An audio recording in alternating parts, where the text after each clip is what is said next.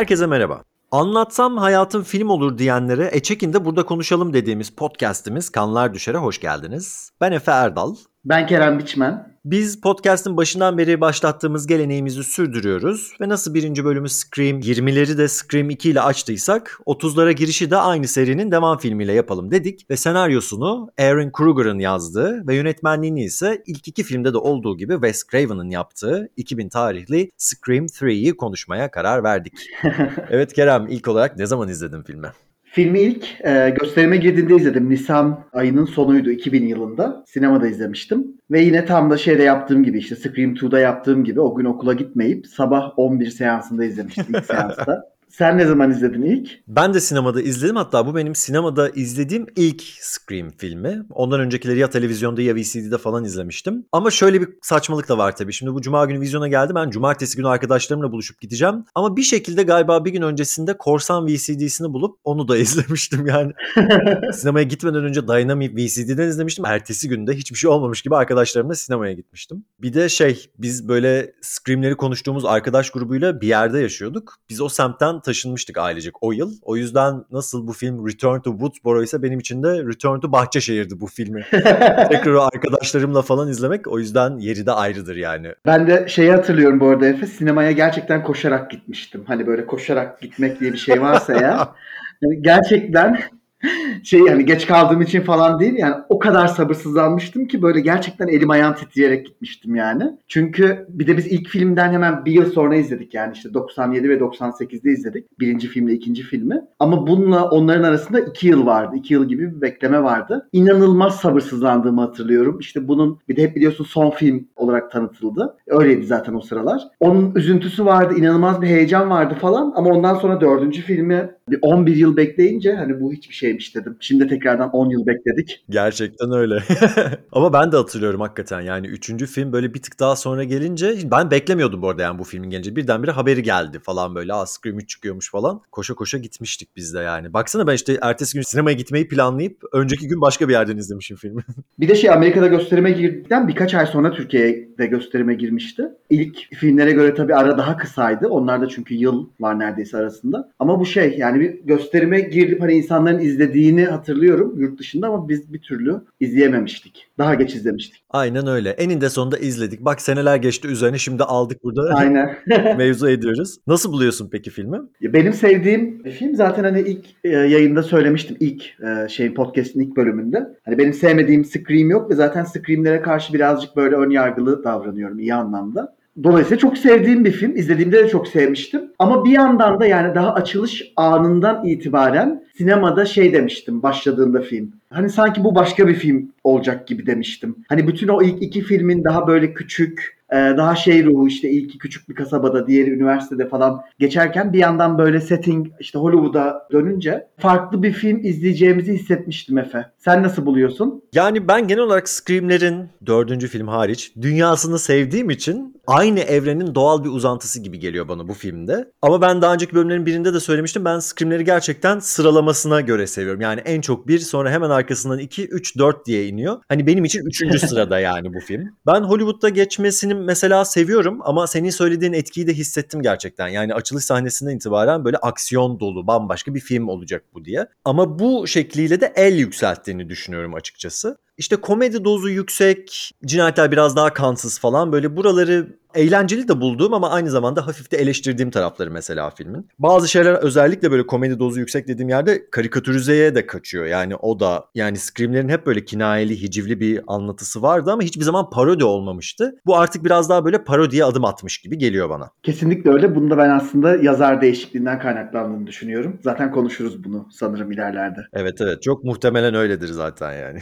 Bir de bu film Scream'lerin Scooby-Doo'su olarak da biliniyor hayranları arasında. Ee, hakikaten nasılsa Scooby-Doo çizgi filminde işte dedektiflik, böyle koca bir malikane, işte kapılar açılır, gizli geçitler bilmem neler ki en sonunda işte maske düşürme sahnesi falan. Hakikaten hani slasher'ı al bir Scooby-Doo formatının şeyine oturt. Gerçekten ikisi çok denk düşmüşler burada. Ama eğlenceli nihayetinde yani. Bu filmler aslında şöyle ilerlemeye başlıyor. Gelişimleri şöyle oluyor. O yüzden ben aslında el yükseltmesini ve Hollywood'a taşımasını hayatını seviyor dedim. İlk film mesela film izleyicisi olmak ya da hayran olmakla ilgiliydi. İkinci film izleyici konumundan çıkıp hayatın kontrolünü eline almakla ilgiliydi. Hani konuşmuştuk ya ilk film işte sinemada açılıyordu daha sonrasında bir tiyatro sahnesinde bitiyordu diye. Aynı zamanda hayatın sanata etkisinden bahsediyordu ikinci film ama bir diğer şey de film izleyicisi olmakla kalınmıyordu. Akademik tartışmaya da taşıyordu. İşte film derslerinin olduğu bir üniversiteye getirerek. Üçüncü film film çekmek üzerine. Tamamen sektör üzerine. O yüzden filmlere ilgisi olan birinin meslek olarak da yapmak istiyorsa bunu tam doğal süreci bu filmlerdeki gibi gelişiyor aslında. Yani önce hayran oluyor. Sonra isterse okuluna gidiyor okuyor. Daha sonrasında sektörün içine giriyor. Valla benim deneyimim böyleydi açıkçası yani. Gerçekten ben de bu filmlerin geçtiği yollardan geçtim diyebilirim kendimle ilgili.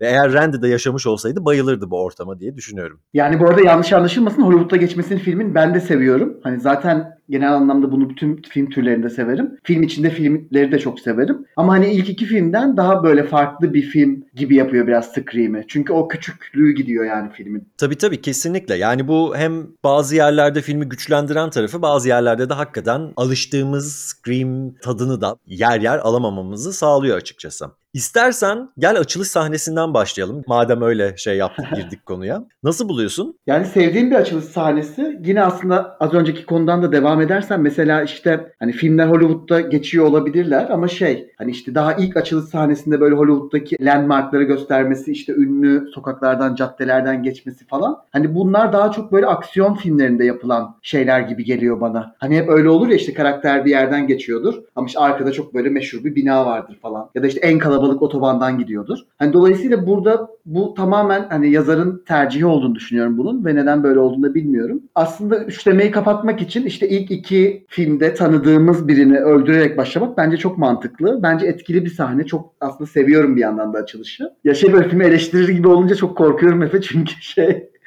sanki böyle ihanet etmiş gibi hissediyorum Scream'e. Ee, bir de açılışta Sam var. Hayat ağacındaki Sam bilmiyorum sen izle, izledin mi? Yok izlemedim. Christine karakterini diyorsun değil mi? Evet evet çocukken izlediğim bir diziydi. Çok severdim böyle. Sam'i görmek de güzeldi ve şey bence etkili bir sahne. Ya bu filmlerin açılışları o kadar iddialı ki birinci filmi düşün, ikiyi düşün. Yani bu da iddialı aslında ama başka bir yerden iddialı. Hakikaten senin dediğin gibi aksiyon filmi gibi başlıyor. Bir de helikopterden izliyoruz falan. Hollywood'u mesela uzaktan böyle çok böyle stilize bir şekilde görmüyoruz. Gerçekten Hollywood denilen yerin işte ya da Los Angeles'ın kaosunun görüyoruz biz aslında. Trafik sıkışıklıklarını görüyoruz. İşte bir helikopter uçuyor bir yere ışık tutuyor falan. O yüzden ölçeği de değişiyor bir anda filmin. Tabii bu Hollywood'un çok da masum bir yer olmadığını zaten ilerleyen dakikalarda konuşuruz ama film hakikaten ilk sahnesinden hatta ilk planından itibaren böyle bizi bir kaosun içine sokuyor aslında. Hani o filmlerde görmeye alışık olduğumuz ki Mulholland Drive da bunu anlatıyordu ama onun hani Hollywood'a gelişleri nasıldı mesela karakterlerin. Hani bu onun da tersine hiç başta öyle bir tablo çizmeyip kaosun içine atıyor bize. Cutton'ın ölümüne gelince yani ben Cutton'ı hiçbir zaman çok umursamadım ama hakikaten mitolojiyi devam ettiren bir karakter olduğu için seviyorum. Yani varlığını seviyorum en azından filmlerdeki. İstediği olmuş, ünlü olmuş. Zaten ikinci filmin sonunda da kameraların önünde bırakıyorduk karakteri. Tam olarak istediğini gerçekleştirmiş bir halde buluyoruz onu. Şey komik mesela kız arkadaşıyla oynadığı kinky bir stab games diye bir şey varmış artık o hayatını karartan hikayeyi nasıl bir fantezi boyutuna taşıttı bilmiyorum ama hem komik karakteri tanıdığımız için hem böyle onu böyle twisted bir yerden kurmuş olması eğlenceli falan. Yani değişik bir sahne ama dediğim gibi ilk ikisini ne kadar çok seviyorsak hani bu onun yanında şey kalıyor. Onların gölgesinde çok kalıyor öyle diyebilirim. Kesinlikle katılıyorum. Bir de şey mesela işte ikinci filmde sinemada izledikleri Step'te hani eleştirdikleri şeyi gerçekleşiyor burada tam da. Yani işte duşa giren bir kadın görüyoruz sonra havluyla evin içinde gezinen ölmek üzereyken. Ve mesela bunu yapmaları hani kendilerinin parodisine dönüşmek gibi bir şey oluyor mu olmuyor mu ondan emin değilim. Bence kesinlikle etkili bir sahne bu arada. Yani senaristin bunu neden yaptığını asla çözemiyorum Efe. Bu arada şöyle bir şey biliyorum. Hatalı olabilirim. Şimdi Kevin Williamson bir draft veriyor bunlara bu filmle ilgili. Açılış sahnesini sanki Kevin Williamson yazdı diye hatırlıyorum ben. Yanılıyor muyum? Senin bir bilgin var mı bu konuda? Yani emin değilim çünkü özellikle yazım süreci hani o kadar şey ki yani film bütün yapım süreci hatta o kadar karmaşık ki zaten gecikmenin sebebi de bence bu. Dediğin gibi böyle 20 sayfalık falan bir draft yazmış sanırım ama hangi sahneler onda kalmış? Çünkü şeyde okumuştum mesela sonradan bu tamamen kullanılmadı yani onun draftından hiçbir şey kalmadı diye. Ama belki açılış dediğin gibi onun sahnesi olarak kalmıştır. Ben birkaç açılışını daha biliyorum çünkü filmin mesela iki tane falan daha farklı. Ama kullanılan bu olmuş. Gerçekten burada işte gerçek hayat filmleri nasıl etkiliyor, filmler gerçek hayatı nasıl etkiliyor falan demiştik ya ikinci filmin senaryosu olduğu gibi internete düşmüş daha film çekilmeye başlanmadan önce. O yüzden tekrar yenilemek zorunda kalmışlar yeniden yazıp farklı versiyonlar çıkararak. O yüzden burada da olan şey o. Ama hakikaten bu hani legacy karakterler dediğimiz yani serinin başından beri bildiğimiz karakterleri getirip her filmde bir tanesini öldürmesi güzel mesela. Evet ana üçlü hiçbir zaman ölmüyor ama işte bir öncekinde Randy'yi öldürmüştü. Burada Cotton'ı öldürüyor falan. Ve bu seri hakikaten yani geçmiş karakterlerini devam filmlerinde çok güzel kullanıyor. Sadece bu hani gelenler ve çok baskın olanlar değil işte bu filmde Sidney'nin babasını da görüyoruz. Bir sahnede sadece. Annesini asıl daha çok görmeye başlıyoruz. Hani ilk filmde fotoğraf olarak gördüğümüz bir karakterdi ama bütün seriye de tesir etmiş çeşitli sebeplerden dolayı. Yani bütün bu karakterleri unutmayıp bizim önümüze tekrar çıkarması, onları hatırlatmasını falan seviyorum. Burada şeyi biliyor musun? Bu senaryoda var olan ama daha sonrasında ya çekmişler çıkarmışlar ya da o kısmı hiç çekmemişler. Bu Christine karakteri var ya Katının sevgilisi olan. Şöyle bir replik geçiyordu. Stab filmlerinde, Stab 2'de CC karakterini oynayan oyuncuymuş o. Aa, Böyle bir detay var ama bu şeyde yok, filmde yok. Yani senaryoda var olan. yok bilmiyordum bunu hiç duymadım. O yüzden CCG'mizi burada bu şekilde de anabiliriz tekrardan. o zaman aslında her bölümde yapıyoruz bunu ama bu geri dönen karakterleri bir baştan bu bölümde ne yapmışlar tekrar konuşalım. Ve Sydney ile başlayalım. En sevdiğimiz Final Girl'lerden biri tekrar tekrar söylüyoruz. Nasıl buluyorsun bu filmde? Benim en sevdiğim Final Girl bu arada. Of course. Onlardan biri değil. yani Sydney her zamanki gibi bu filmde de bence muhteşem. Yani Sydney ile ilgili söyleyebileceğim tek kötü şey çok az görünmesi bu filmde. Fark etmişsindir yani üçleme için konuşuyorum. Hani üçlemenin içinde en az göründüğü film Sydney'in. Ve bu gerçekten üzücü yani. Bu filmi konuşurken sanırım bu yapım aşamasındaki dramalarla ilgili hep konuşmamız gerekecek. Çünkü hep ona geliyor her şey. Yani işte hem yönetmen hem orijinal senarist hem oyuncuların büyük kısmı böyle bir şekilde ya müsait olmamışlar ya başka şeylerle meşgullermiş falan. Ee, Sydney'de sanırım sadece bir 20-25 gün kadar hani bulunabilmiş çekim için. Dolayısıyla gerçekten az görüyoruz Sydney'i. Hani bu film diğer iki filmden farklı olarak artık Sydney'in böyle travmasıyla bizi birazcık daha fazla tanıştırıyor. Onunla birazcık daha fazla vakit geçirmemizi sağlıyor. Ve aslında işte bu yaşadıkları annesiyle ilgili olan şeyler ve başına gelen her şeyle ilgili Sydney'in böyle ciddi manada işte bunlardan etkilendiğini ve böyle işte kendini yalnız başına bir dağ evine kapatıp yaşadığını ve oradan evden çalıştığını falan görüyoruz. Tüm bunları görmek tabii hani ben Sydney'i çok seven bir karakter olarak bir yandan çok üzücü ama bir yandan da aslında Sydney'i neden çok sevdiğimi anımsatıyor. İşte böyle bir yardım hattında çalışıyor falan. Sonrasında zaten aslında geldiğinde yani Hollywood'a olayların olduğu yere geldiğinde de hala az görüyoruz Sydney'i. Gördüğümüzde de gerçekten böyle etkili şekillerde görüyoruz diyebilirim. Öyle sahiden. Yani Neve Campbell'ın 20 gün anlaşması varmış sette olabilme süresine dair. Ee, o yüzden sahnesi azmış. Ama bana doğal geliyor mesela. Zaten hikayenin bir kısmı da Sydney'i bulmak ve Sydney'i işte korumak falan üzerine ya yani dahil olmasın olaylara diye. Kevin Williamson evet bizim çok sevdiğimiz bir senarist ama Aaron Kruger da bunu güzel yedirmiş olduğunu düşünüyorum açıkçası. Yani evet senaryonun çeşitli bence sıkıntılı tarafları var. Filmin geneli için de bunu söyleyebiliriz. Ama hani bu Sydney'nin olaylara dahil olma halini ben açıkçası ya ben yedim. ikna oldum yani öyle söyleyeyim. Bir tek merkezinde değil eskisi kadar hikayenin. Yani diğer karakterler ki zaten onları da seri boyunca o kadar çok sevdik ki hani bu sorumluluğu onlar da üstlense onları da izleyeceğiz zaten seve seve ki bu filmde de yaptığımız o aslında. Ve şeye de hani çok denk düşüyor aslında. Yani bu nasıl Kat'ın ikinin sonunda kameraların önündeydi Sydney uzaklaşıyordu. Hakikaten uzaklaşmış Sydney ciddi anlamda toplumdan kopmuş yani münzevi olmuş. Yani burada buluyoruz biz Sydney'i filmin başında. Ve karakterin her bir filmde başka bir baş etme yöntemini görmek de karakteri bence derin kılan şeylerden bir tanesi. Yani tek düze giden bir karakter değil. Mesela ikinci filmin başında Sydney telefonuna bir cihaz yüklemişti. Telefon sapıklarına kendi bildikleri dilden cevap verebiliyordu mesela. Burada yine telefonla ilgili bir iş yapıyor ama artık insanların arasından sıyırmış kendini. Bu biraz şey gibi de hani daha geçen hafta konuştuk ya Halloween 2'de hani Laurie kendini birdenbire sistemin binaların falan dışında buluyordu diye. Sydney de kendini koparmış insanlardan. Yani bu biraz Final Girl'lüğün yazgısı da diyebiliriz. Özellikle devam filmlerine taştığı zaman bu hikayeler. Gördükleri karşısında eskisi gibi olamamak aslında bu. Bir yandan da şunu da unutmayalım. Sydney ya da işte diğer Final Girl'ler, Laurie çok öyle değildi ama katilleri öldürerek katil de oluyor aslında. Yani Sydney işte ilk filmde hem Billy'nin alnına son kurşunu sıkan kişiydi hem Stu'nun kafasına televizyon atıyordu. İkinci filmde Mickey'i Gale'la beraber öldürüyorlardı. Billy'nin annesini Cotton öldürüyordu. Ediyordu ama yine de alnına kurşunu sıkmaktan kendini alıkoyamıyordu falan. Yani meşru müdafaa işte intikam neyse ama bir yandan bu insanlar da öldürdükleri şeye de dönüşüyorlar aslında. Her bir filmde tekrar katil olmak zorunda kalıyor yani Sidney. İyi ama kafayı yememiş yani. O destek altında çalışıyor olması falan bana çok güzel geldi. Çok güçlü geldi yani. Çok küçük bir detay ama şey hani bir kere telefonla zaten karakteri tekrar özdeşleşmiş oldurmaları güzel. Ki katil de onu daha sonra aradığında anlamlı olsun. Ama yani bir sahnede iki sahnede gördüğümüz bir şey karakterin gelişimine çok uygun buluyorum ben mesela. Kesinlikle. Bir de şey çok nadir tabii yani screen filmlerin yaptığı en güzel şey bu. Aynı karakter ve aynı oyuncu 3 filmde üst üste görüyoruz. Yani başka serilerde de başka şekillerde yapılıyor ama aynı karakteri ya başkaları oynuyor ya böyle filmler arasında başka boşluklar var falan. Bunda doğrudan arka arkaya görüyoruz. Yani onların gelişimlerini görüyoruz. Yani onlarla beraber biz de gelişiyoruz, büyüyoruz diyebiliriz hatta. Ta çocukluğumuzdan beri izlediğimiz filmleri baksana şimdi yetişkinliğimizde konuşuyoruz falan. Yani bu arada karakterleri konuşurken yine şeyi de söylememiz lazım sanırım. Yani Ehren Kruger'ın yazdığı karakterlerin hani bitmiş haliyle aslında ilk iki filmdeki karakterlere çok fazla benzemediği için genelde hani sette çekim sırasında günlük böyle revizyonlarla ilerlemişler. Bunlar da Wes Craven tarafından yapılmış. Hani onu yönlendirmeleri ya da yeniden yazımlarıyla falan. Bu da bence önemli bu noktada. Kesinlikle. Yani sadece Aaron Kruger'a teslim edilmemiş. Wes Craven da nihayetinde zaten senaryosunu yazmıyordu ama Scream dünyasını inşa etmekteki şeyi Kevin Williamson ne kadar güçlüyse onun da o kadar emeği var içerisinde. Onun da bu yazım aşamasına dahil olması beni mutlu eden bir bilgiydi bir şekilde. Tabii bu arada Sidney'nin bir takım evine aldığı önlemler çok işlevsel mi emin olamadım. Mesela çitin güvenlik şeyi olması, alarm sisteminin olması. Ya arabalı bir katil saldırmıyor sana üzerinden de atlayabilir. Onlar biraz şey gibi geldi. Yani etraf her taraf açık ama böyle çitin üzerinde şey var, sayılar var falan. Ev de öyle.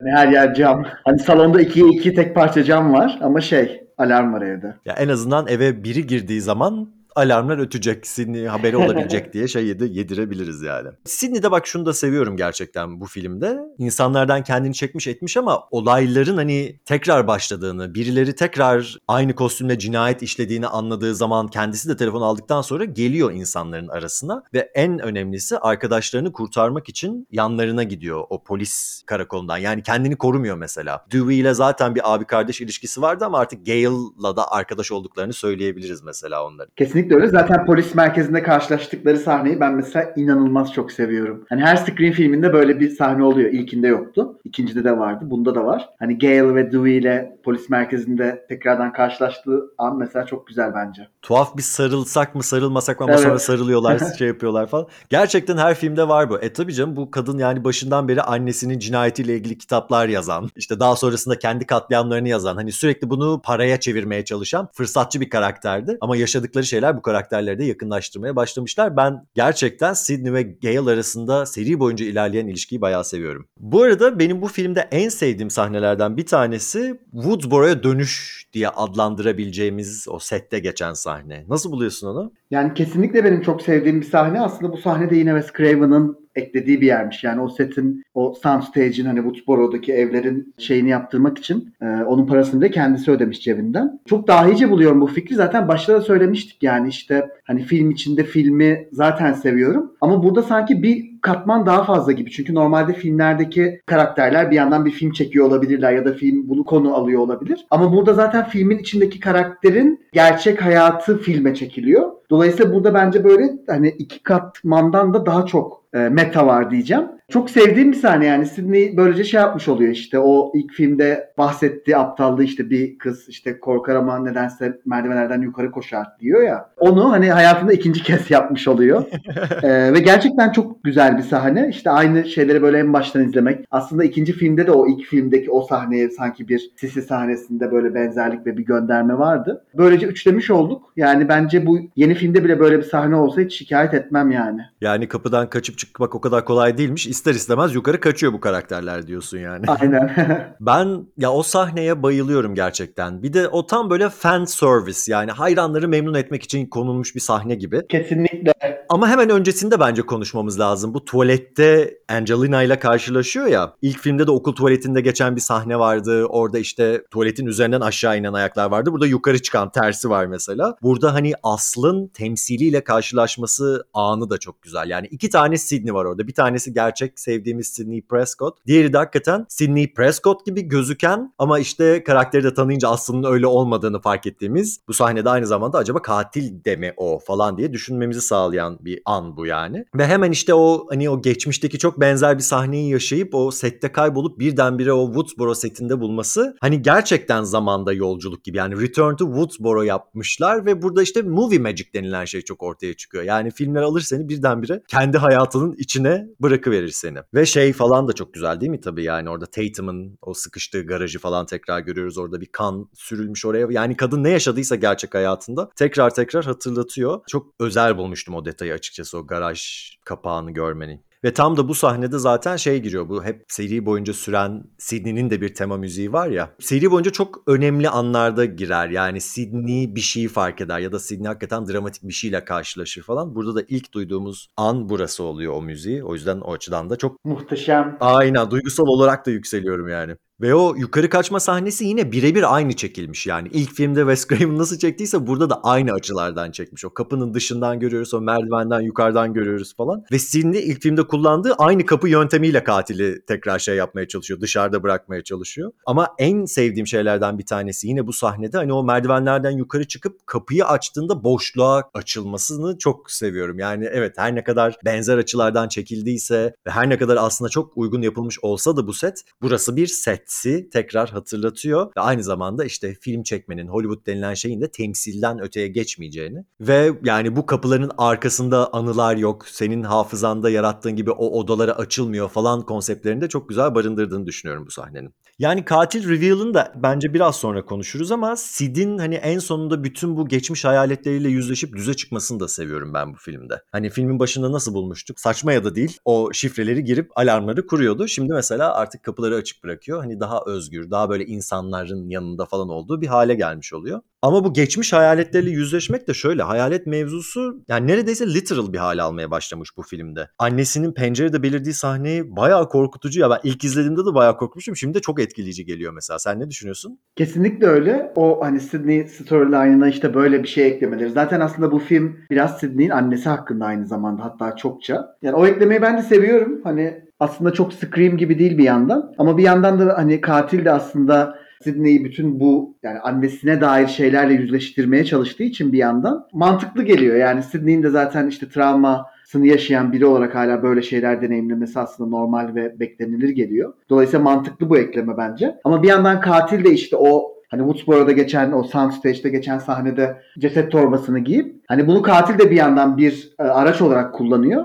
Sesleri de taklit edebildiği için. Büyük ihtimalle işte annesinin o zamanında çektiği 3 tane filmlerin birinden alıp sesleri. Ama şey e, bir yandan işte bir Sydney tarafı var bir de katille ilgili olan tarafı var bu hayaletin. Yani tek parçalı bir şey değil. Seviyorum bence de filmin yani filme katkısı olan bir şey. Scream gibi değil dediğine çok katılıyorum hakikaten. Hani birdenbire supernatural bir şeyler mi dönüyor diye de düşündürüyor seyirciyi. Biz rüya olduğunu az çok bilmemize rağmen çünkü Scream filmlerinde daha önce hiç rüya görmediğimiz için aslında bu yüzden bize de tuhaf geliyor. Bir yandan da hani gerçekten doğaüstü bir şeyler olduğu için tuhaf geliyor. Ben bir şey demiştim yani rüya olduğunu bilmeme rağmen acaba ya böyle bir şey mi koydular falan demiştim ilk izlediğimde. Bir yandan da Wes Craven etkisini burada göz ardı etmeyelim çünkü adam M Sokak Kabus gibi bir muhteşem film yarattıktan sonra gerçek nerede bitiyor, rüya nerede başlıyor falan bunların iç içe geçmesini zaten iyi yapan bir yönetmen. Burada da bayağı başarılı olduğunu düşünüyorum. Tabi burada Sidney'nin hani annesine dair düşüncesinin ve onunla ilgili olan anılarının bu filmde nasıl değişmiş olduğunu da görüyoruz sırf bu rüya sayesinde. Yani bugimene dönüşmüş aslında kadın bir şekilde.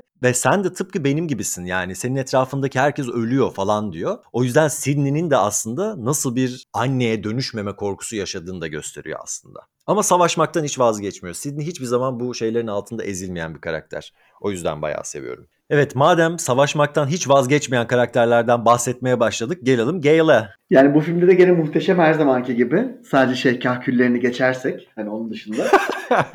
of o kahküller ne şey oldu ya. Gale her zamanki gibi gene bu filmde de bence muhteşem. Bir de bu filmde iki tane Gale var artık yani. Bir de Jennifer karakteri var. Gale'i oynayan Step'in içinde. Bence muhteşem bir ikililer ve ikisinin birlikte olduğu sahnelerden inanılmaz bir keyif alıyorum ben film her izleyişimde. Yine Gale her zamanki Gale yani. Sen ne düşünüyorsun? Gerçekten öyle. Yani Sid'in tersi gibi bir yandan. Sid nasıl kendini kapatmış etmiş. Gale'ı ilk gördüğümüz yerde konferans veriyor herkese. Yani o da aslında girmiş olduğu mesleki yolda ivme kaybetmediğini görüyoruz. Azminden de hiçbir şey kaybetmemiş. Bu arada benim filmlerde çok sevdiğim bir olay bu. Hani birinin işte daha önce yaşanan olayları bir konferansta bir yerde falan anlatması. Bu Jurassic Park 3'te de vardı galiba. Üçüncü filmlerde güzel denk gelmiş bu. Ve bu filmde araştırmanın büyük bir kısmını Gale yapıyor. Halbuki etraf polis dolu bu arada yani. Ciddi bir karakol sahneleri falan var. Uzun uzun görüyoruz. Ve tabii ki bu araştırmayı tek başına yapmıyor. Accuracy Jennifer Jolie ile beraber yapıyor. Ve gerçekten beraber çok iyi işliyorlar. Yani etkileşimleri acayip eğlenceli. Yani film buralarda karikatürizeye kaçıyorsa da gerçekten hiç umursamıyorum. Bayağı eğlenerek izliyorum yani her defasında. Ama en komik şeylerden bir tanesi Stab filmlerinde 3 filmde öldürüleceğine verdiği tepkisi şaşırıyor ya nasıl ya öldürülüyor muyum diye. Tamamen Gale'ın söyleyebileceği bir replik bu yani. Ama yani ben burada bir şey itiraf edeceğim. Ben bu kahküllerini seviyorum Gale'ın. Ciddi misin? yani şöyle kahküllerini özellikle sevmiyorum da bu filmdeki imajını da seviyorum. Sürekli başka bir şey deniyor ya. Yine o işte renkli takımlarından falan tabii hiçbir şekilde taviz vermemiş. Yine böyle parlak sarılarla kırmızılarla falan geliyor ama yani bu filmle o kadar özdeşleştirdim ki o imajını kahküller included. o yüzden şey yapamıyorum. Ayrı bir şekilde tutamıyorum yani. O zaman Dewey'den bahsedelim. Onu nasıl buluyorsun bu filmde?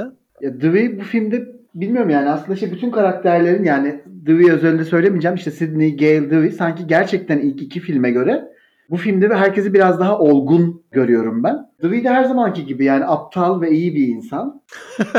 o da her zamanki gibi yani özel olarak hani Dewey'e karşı bu filmde böyle pek e, sevdiğim ya da sevmediğim bir şey yok. Sadece şeyi söyleyebilirim işte alnına hani son katilin alnına kurşunu o sıkarak öldürüyor. Hani böylece ilk kez bir erkek trilojide bir katile son vuruşu yapmış oluyor. Bunu pek sevmiyorum. Yine orada Gale ya da Sidney olmalıydı sanki. O son öldüren kurşunu atan. Öyle sen ne düşünüyorsun? Şimdi bu son söylediğinden başlayacağım. Diğer her iki filmde de Dewey sona giden yolda yaralanıyor ve öldü zannediyoruz ya her defasında. Burada artık yani bütün bunların intikamını alıyor diye gördüğümüz zaman aklıma yatıyor açıkçası Dewey'nin öldürmesi. Ya bu arada hakikaten ben de Sidney'nin çözmesini isterdim bu olayı. Çünkü zaten onun hikayesiydi. Yani kendi geçmişiydi. Yüzleşmesi gereken bambaşka karanlık sırlar ortaya çıkıyordu vesaire. Ama hani bu Dewey'nin öldürmesini bir önceki filmleri göz önünde tutarak hak veriyorum ben. Bu şekilde meşrulaştırabilirim yani yani. Ama Dewey'nin varlığı bütün filmlerde var ve film boyunca kendini hissettiriyor ama çok bir şeyi çözmüyor mesela. Yani daha çok böyle korumacı. Hani onun varlığını izlemek iyi hissettiriyor. Görünce seviniyoruz falan. Sevdiğimiz bir karakter nihayetinde. Ama ne yapıyor Dewey diye düşündüğümüzde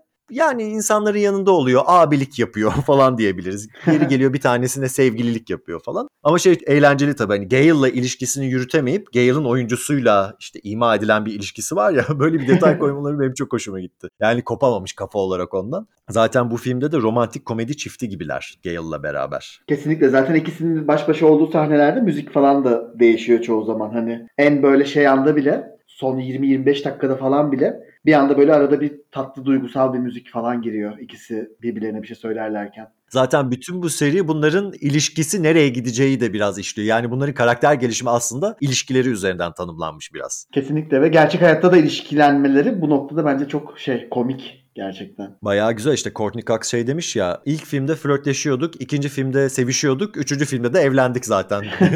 Dördüncü filmde de boşanmışlardı galiba ya da evliler miydi? Neyse hakikaten bakalım şimdi beşte ne yapacaklar onu da merak ediyorum ben. Bu arada bu filmde şey çok komik değil mi ya bu ev patladıktan sonra aşağı yuvarlanıyorlar. Dewey'i iki tane Gale çağırıyor. Biri diğer taraftan bağırıyor Dewey diye. Diğeri diğer taraftan bağırıyor. Hangisine gidecek yani? Ama nihayetinde film hangisine gideceğini ve hangisine gitmesi gerektiğini de söylüyor zaten. Sonda şey de çok güzel ya bu hani kitabın içine yüzüğü koymuş olması bana eğlenceli geliyor. Çünkü o kitaptan nefret ediyordu ya Dewey yani sonuçta hayatlarının karikatürize edilmiş versiyonlarıydı. Ya da işte Gale'ın para kazanma çabasıydı bu yaşanılan trajedilerden falan ki kendi kardeşi Tatum falan da ölmüştü bütün bunlarda. Kendi hikayelerinin içine hani tanışmalarını sağlayan bıçakla oyarak büyük ihtimalle yeni bir hikaye koymuş. Yani yeni bir başlangıç yaratmaya çalışmasını şey bulmuştum ya güzel bir aksesuar kullanımı gibi gelmişti ve bütün bu geçmişlerini de çok güzel özetliyormuş gibi geldi mesela. Şimdi bu filmdeki yeni karakterlere geçmeden önce geri dönen bir karakter daha var onu konuşalım istiyorum. Kimden bahsediyorum? Randy. Aynen. Geri dönmüş sayılıyor mu? Yani en azından filmde tekrar karşımıza çıkıyor. Yani ölümden geri döndüğünü söylemedim zaten. Nasıl buluyorsun Randy'nin geri dönüşünü?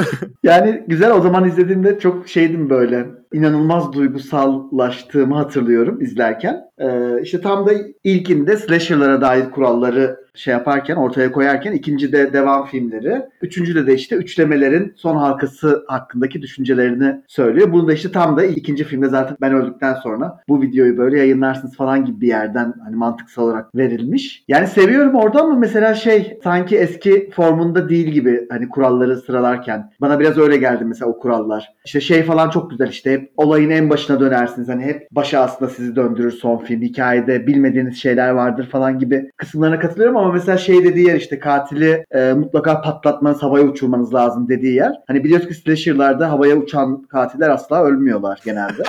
Sadece bu noktaya katılmamakla birlikte güzel bir sahneydi o. Yani Randy'yi görmek tabii ki çok güzel ve çok zekice yapıldığını düşünüyorum meselenin. Yani bir video kasetle geri dönmesini ve tam da hani video kasetçide çalışan filmlere hayran bir insan olarak bunu yapmış olması, planlamış olması eğlenceli ama biraz da zorlama hakikaten ya. Böyle şey hala ikinci filmdeki işte üniversitedeki kampüs cinayetleri devam ederken şey diyor ya ben bunda ölürsem bu çözülürse sonra bir tane daha başınıza gelirse bu zamanda bunu yapın. E dördüncü film içinde kaydetti mi mesela bak o da biterse bu da biterse. Bir kere senin de dediğin gibi bu kurallar da çok mantıklı gelmediği için o yüzden zorlama buldum. Yani daha güzel bir diyalog yazılabilirdi oraya. Bu geçmişin hakikaten gelip seni götünü ısıracak demesini seviyorum ben de. Filmin içine böyle gizemli bir şey katıyor. Aa ne çıkacak bunun altından diye. Hem de hakikaten daha sonra olacaklarını bir de foreshadowing'ini yapmış oluyor. Ama hakikaten işte katil superhuman olur diyor. Öyle bir şey yok. Bildiğimiz Roman çıkıyor yani karakter. Ana karakterlerden hepiniz ölebilirsiniz diyor. Hiçbiri ölmüyor falan. Bir de yani şimdi korku filmlerinde üçleme dediğim şey neredeyse hiç yok.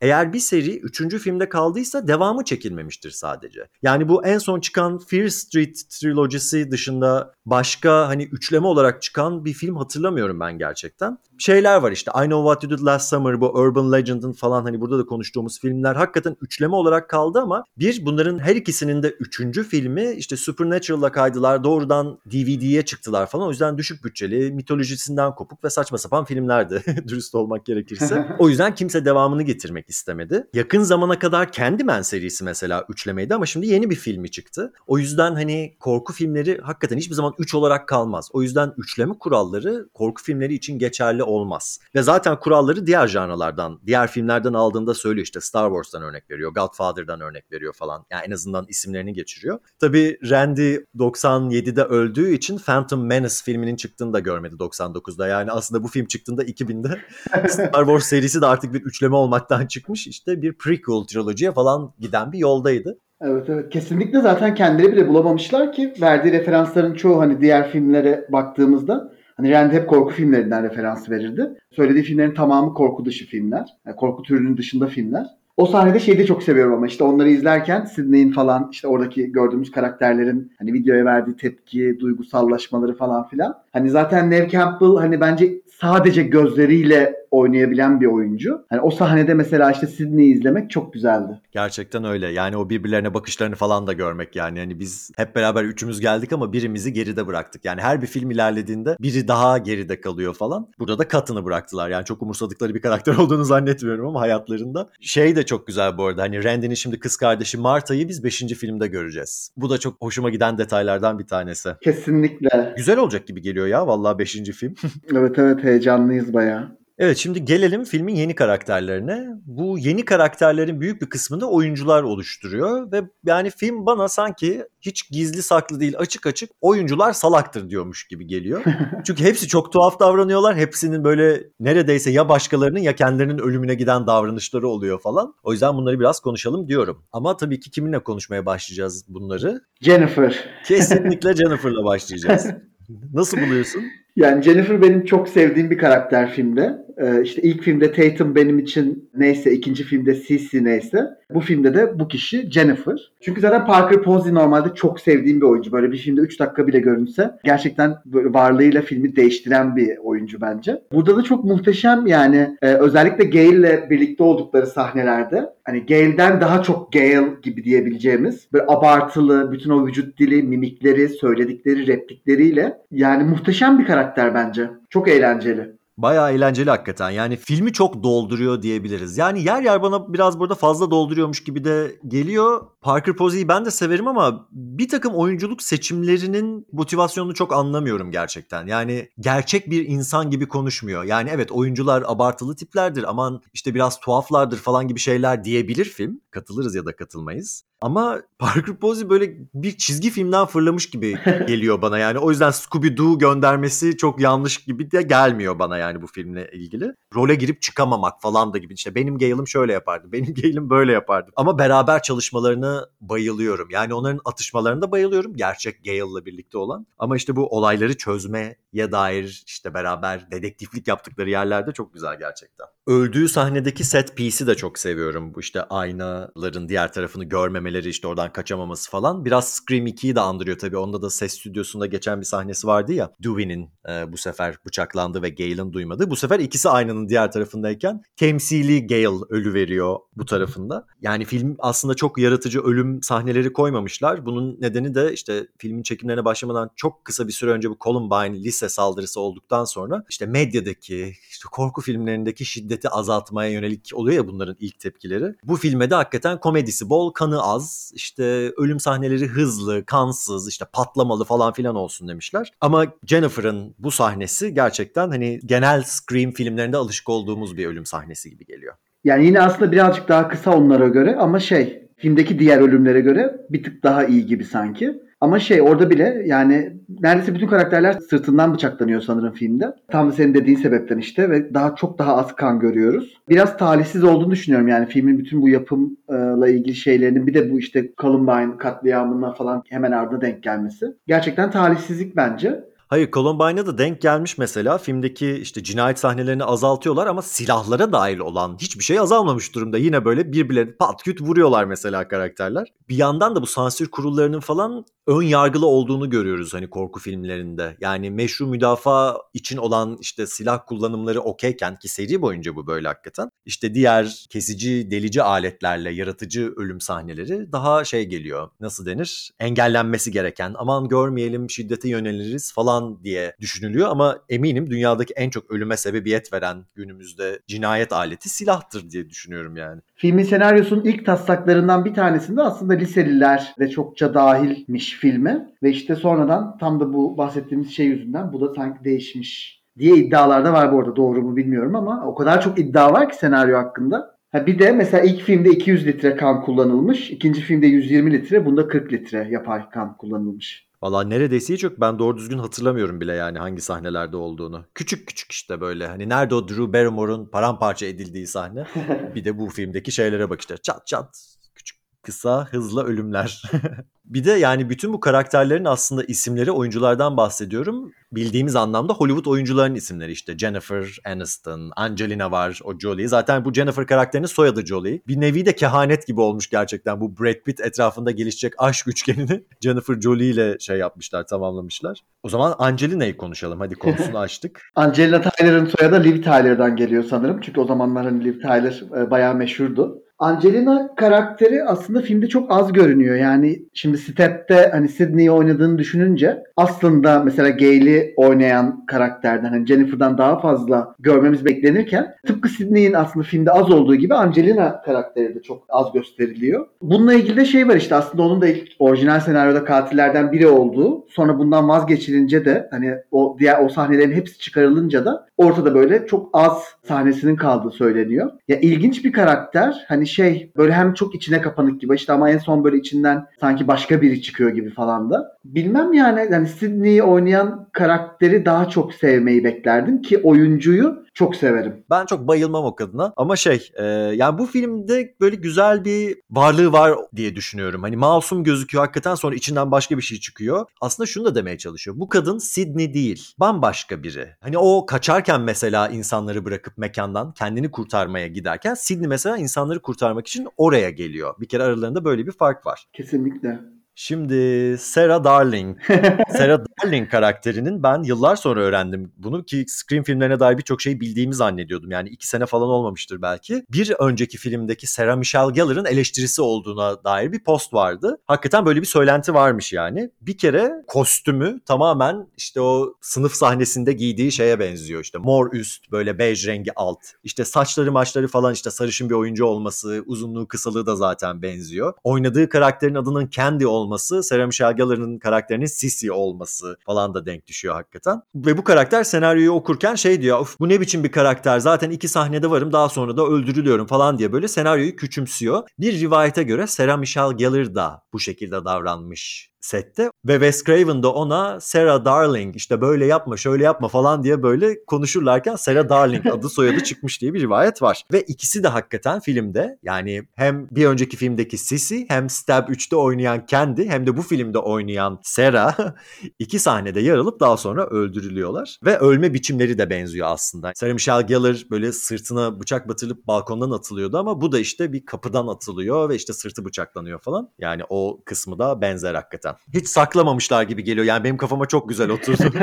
ya bu arada benim sevdiğim bir karakter bu filmde Sarah ve çok eğlenceli bir karakter bence. Ve bence çok iyi oynuyor Jenny McCarthy. Şey hani bir yandan acaba oynuyor mu şu anda diye bile düşünüyorum. Çünkü bir yandan kendisinin sanki gerçek hayattaki personasına da çok benziyor gibi düşünüyorum. Bence son derece eğlenceli bir karakter yani varlığı da güzel film için. Eğlenceli hakikaten yani o araya kattıkları işte arada esprili halleri işte gerilimli bir set piece var mesela oradaki hali de seviyorum işte çeşitli kostümler bu aksesuar olan bıçakların işlevsizliği falan aklı karıştıran ve bunun sürekli bir film setinde geçtiğinde hatırlatan aslında kullanımlar bunlar. Bir de şey de çok enteresan tabii kendi senaryoyu okurken işte yönetmenle telefonda 28. sayfayı açıyor. Ben de hakikaten baktığım filmde neredeyiz diye biz de 25. dakikadayız. Yani onları da çok denk tutmaya çalışmışlar. Hani bu filmin metalığı burada bile sürüyor yani. O karakter 28. sahnede öleceğini söylerken hakikaten biz de filmin 25. dakikasında falan oluyoruz. Burada şu şekilde de bir meta var bu arada. Hani hem işte Sera'nın hem de aslında diğer karakterlerin yani Step içindeki karakterleri canlandıran oyuncuların serzenişleri oluyor. Yine mi senaryo değişti falan filan diye. Bu da aslında yine Scream 3'nin yapım aşamasına gönderme yapıyor. Çünkü gerçekten oynayan herkes senaryonun sürekli değişmesinden dolayı çok şikayetçiymiş. Bu da böyle farklı bir şey yani. Hani film bir yandan kendi yapım sürecine de gönderme yapmış oluyor. Ve bir yandan mesela ikinci filmde Randy'nin ölmüş olmasına hayranların verdiği tepki vardı ya. Yani hiçbiri memnun değildi. Burada Stab filmindeki işte Randy'yi öldürdükleri için hayranlar üzüldü ve o yüzden yeni bir karakter yaptık. Randy'ye benzer diyorlar falan. Hakikaten hani hem film kendi yapım süreçlerini hem hayranların verdikleri tepkileri bile filmin içine katıyor hikaye olarak. Bu arada şey bir de bütün bu hem parti sahnesi hem sonra işte Jennifer'ın evindeki sahneler falan aslında bir yandan da seride ilk kez böyle hani Ghostface'e karşı topluca kaçtıkları, topluca mücadele ettikleri sahneleri görüyoruz. Evet hani tüm filmlerin finallerinde 2-3 karakterin aynı anda böyle savaştığı, dövüştüğü yerler var ama bunda hani Ghostface tehlikesinin toplu olarak hissedilip hani aynı anda böyle birlikte bir şeylerin yapıldığı yine ilk film diyebiliriz. Bu haliyle de güzel bence burada. Yeni bir şey katıyor. Çünkü biz hep diyoruz ya filmlerde niye bir arada kalmıyorlar, bir şey yapmıyorlar ama işte bunu mevzu edip film daha sonrasında işte Tom karakteri o karanlıkta içeride mi katil, dışarıda mı hiç bilmiyorken bile gidip işte senaryoyu faksa alıyor. Ne olacağını bilmek istiyormuş. Salak mısın oğlum sen kaçın oradan. işte bence Kevin Williamson yazsaydı bu karakterler çok böyle olmazdı gibi hissediyorum. Kesinlikle. Valla nasıl o senarist oyunculara çamur attıysa biz de biraz onu atıyoruz galiba. Valla bir oyuncu olarak hakkım diye düşünüyorum o zaman. Ödeştik Aaron Kruger. Şundan da bahsedelim madem adını bu kadar çok andık. Kruger soyadlı bir senaristin Wes Craven'ın filmini yazmış olması çok güzel bir tesadüf bence. Gelelim Kincaid'e. Bir de dedektif çıktı başımıza bu filmde. Yani bu film hakikaten korku filminden ziyade polisiyeye benziyor olmasının sebebi de biraz bu kadar çok hani olayı çözsünler ya da çözemesinler. Polislere ve işte dedektifliğe ve işte dedektifliği icra etmeye yapılan vurgudan da kaynaklanıyor. Yani benim çok sevdiğim bir karakter değil Efe. Sen ne düşünüyorsun bu arada? Çok merak ediyorum çünkü konuşmamıştık bunu daha önce seninle hiç. Doğru. O küçük kasaba polisinden artık böyle şey Hollywood polisine geçiyoruz. İşte bu biraz daha film endüstrisinin içinde büyümüştü. Ben bu sokaklarda büyüdüm falan filan gibi şeyler söylüyor. Aslında son aşamada bayağı yardımı da oluyor karakterlerin kurtulması anlamında. Ama sevmiyorum. Mesela en son Sid'in evinde gördüğümde bile onu gıcık olduğumu hatırlıyorum ilk izlediğimde. Ne işi var değil mi orada onun? ne işi var yani hani senin o üçlüyle hani orada kutsal bir üçlü var ve hani sen orada olmamalısın Ee, ya tabii ki red herring olması için başlı başına konulmuş bir karakter. Hani katil sanılsın diye. Hollywood'un içinde büyümüş olduğu için de poz kesiyor sürekli. Bu da anlaşılır geliyor hakikaten yani. Bir de ben ilk izlediğimde şey repliği çok hoşuma gitmişti. Şimdi acayip cringe geliyor da en sevdiğin korku filmi hangisi? Geliyor yavaş yavaş. hayatım. Kendi hayatım mı diyor, hayatım mı diyor bir şey diyor falan. O zamanlar vay repliğe bak falan demiştim. Çocukken şimdi wow. Aynen. Bu sefer gözlerimi deviriyor. Hani Scream serisindeki en lame rap şeylerden bir tanesi bence repliklerden. Peki o zaman artık gelelim bu filmin Ghostface'ini konuşmaya.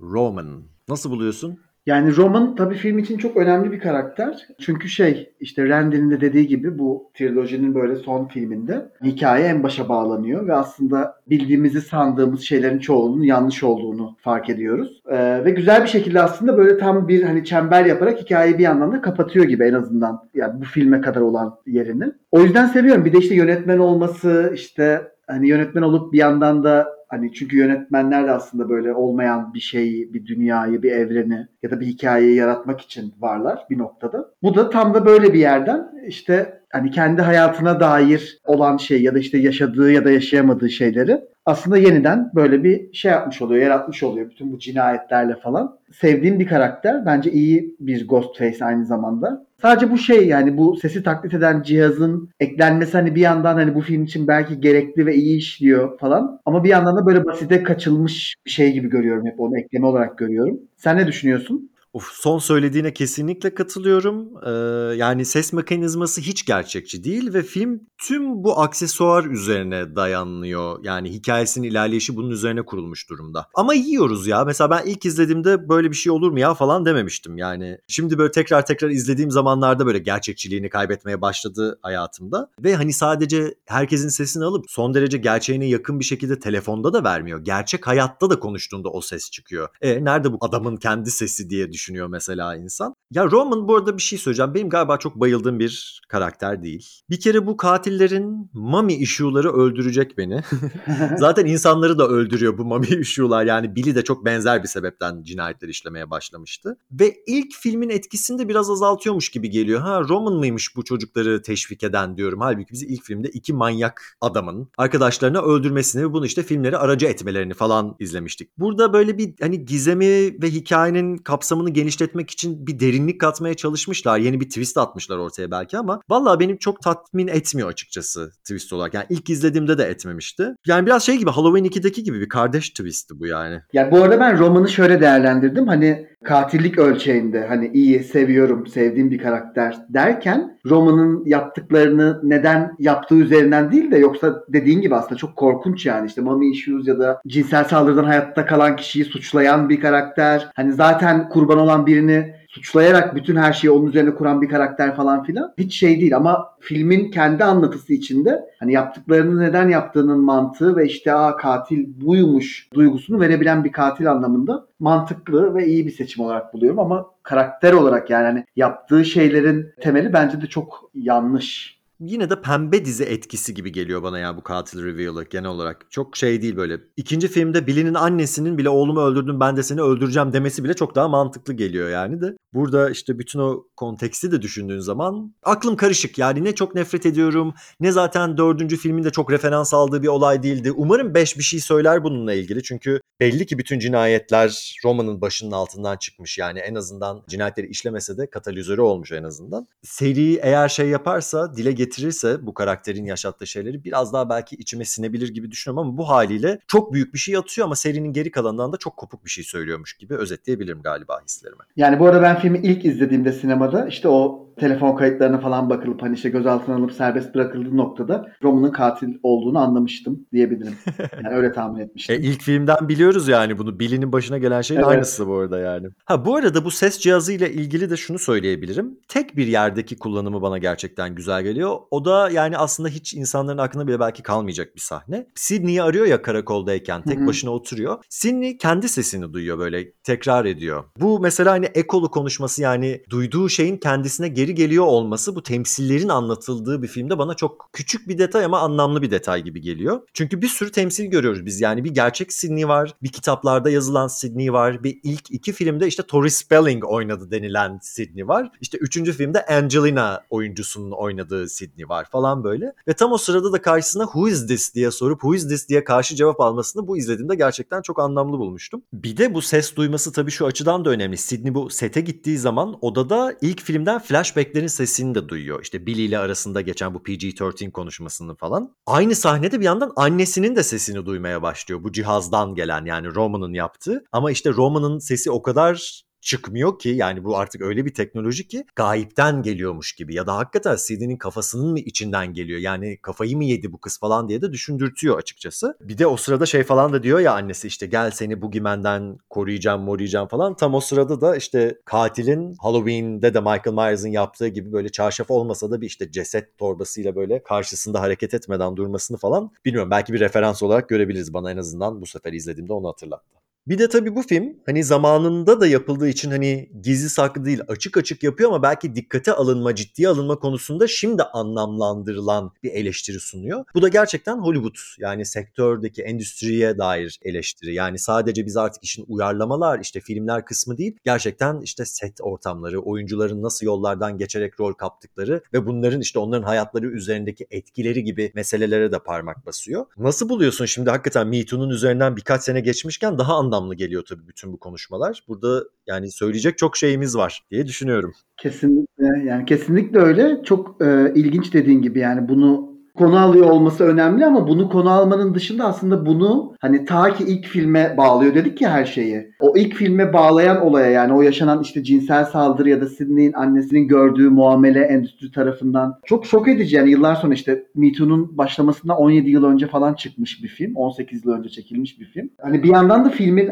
e, yapımcılarından birinin Harvey Weinstein olması, onun şirketinden çıkması daha da tuhaflaştırıyor olayı. Hani John Milton karakterini mesela bu filmdeki işte Step filmlerini yapan filmin içindeki Harvey gibi görebiliyoruz. Yani bir yandan hani yaptığı her şey Harvey'in gerçek hayatta yaptıklarıyla çok paralel. Yani bu karakter nasıl yazıldı, nasıl onaylandı, nasıl konuldu filmin içine hiçbir fikrim yok. Gerçekten çok ilginç buluyorum bunu. Valla benim de aklımın almadığı yerler var yani. Hani şimdi Hollywood'da çok bilinen bir sırmış. Herkesin bildiği bir sırmış yani bu Harvey Weinstein'in kadınlara cinsel saldırıda, cinsel tacizde bulunduğunu. Şimdi yeni yeni ortaya çıkmaya başlıyor. Ki yani bu ekolü başlatan kişi ilk filmde Tatum'u oynayan Rose McGowan'dır. Yani ona da saldırıda bulunmuş. Whistleblower'lık denilen şey aslında Rose McGowan yaptı. O yüzden ne yazık ki bu filmin hani kendi oyuncu sürecinin içerisinde de böyle bir durum varmış. Yani birinci filmin çekimleri sırasında olmamış tabii bu ama Harvey Weinstein kardeşi Bob'la beraber bu filmlerin yapımcılığını yapmaya devam etmiş ama bir de üçüncü filmde hakikaten böyle bir karakter koymuşlar. Hollywood'un içinden olup ve bu filmi izleyen insanlar yapımcısının da Harvey falan olduğunu bildikten sonra ne hissetmiştir gerçekten çok merak ediyorum. Yani ya ciddi açıdan abi çaktırmadan adamı kendi çatısının içerisinde böyle bir eleştirisini yapmış da diyebilirler. Ya da ulan yani bu ciddi bir meseleyi hiç ciddiye almadan karikatürize etmiş adam da bunu onaylamış bunun üzerinden para kazanmış falan da diye düşünülebilir. O yüzden benim biraz hislerim karışık. Ama biz nihayetinde John Milton'ın hani boktan bir karakter olduğunu anlıyoruz film içerisinde. Bunların hepsini artık Harvey içinde düşünebiliyoruz. Hani o dönem ne düşündüler ne düşünmediler bilmiyorum ama bu dönem artık o şekilde düşünmemenin imkanı yok. Yani Hollywood'u kara delik olarak gösteriyor zaten. Hani Maureen girmiş kaybolmuş. Kadının işte iki yılı mı artık kaçsa yok mesela sayılıyor. Halbuki filmlerde oynamış yani göz önünde olduğu yer hayatında yok olduğu bir evre olarak sayılıyor. Ve bu casting couch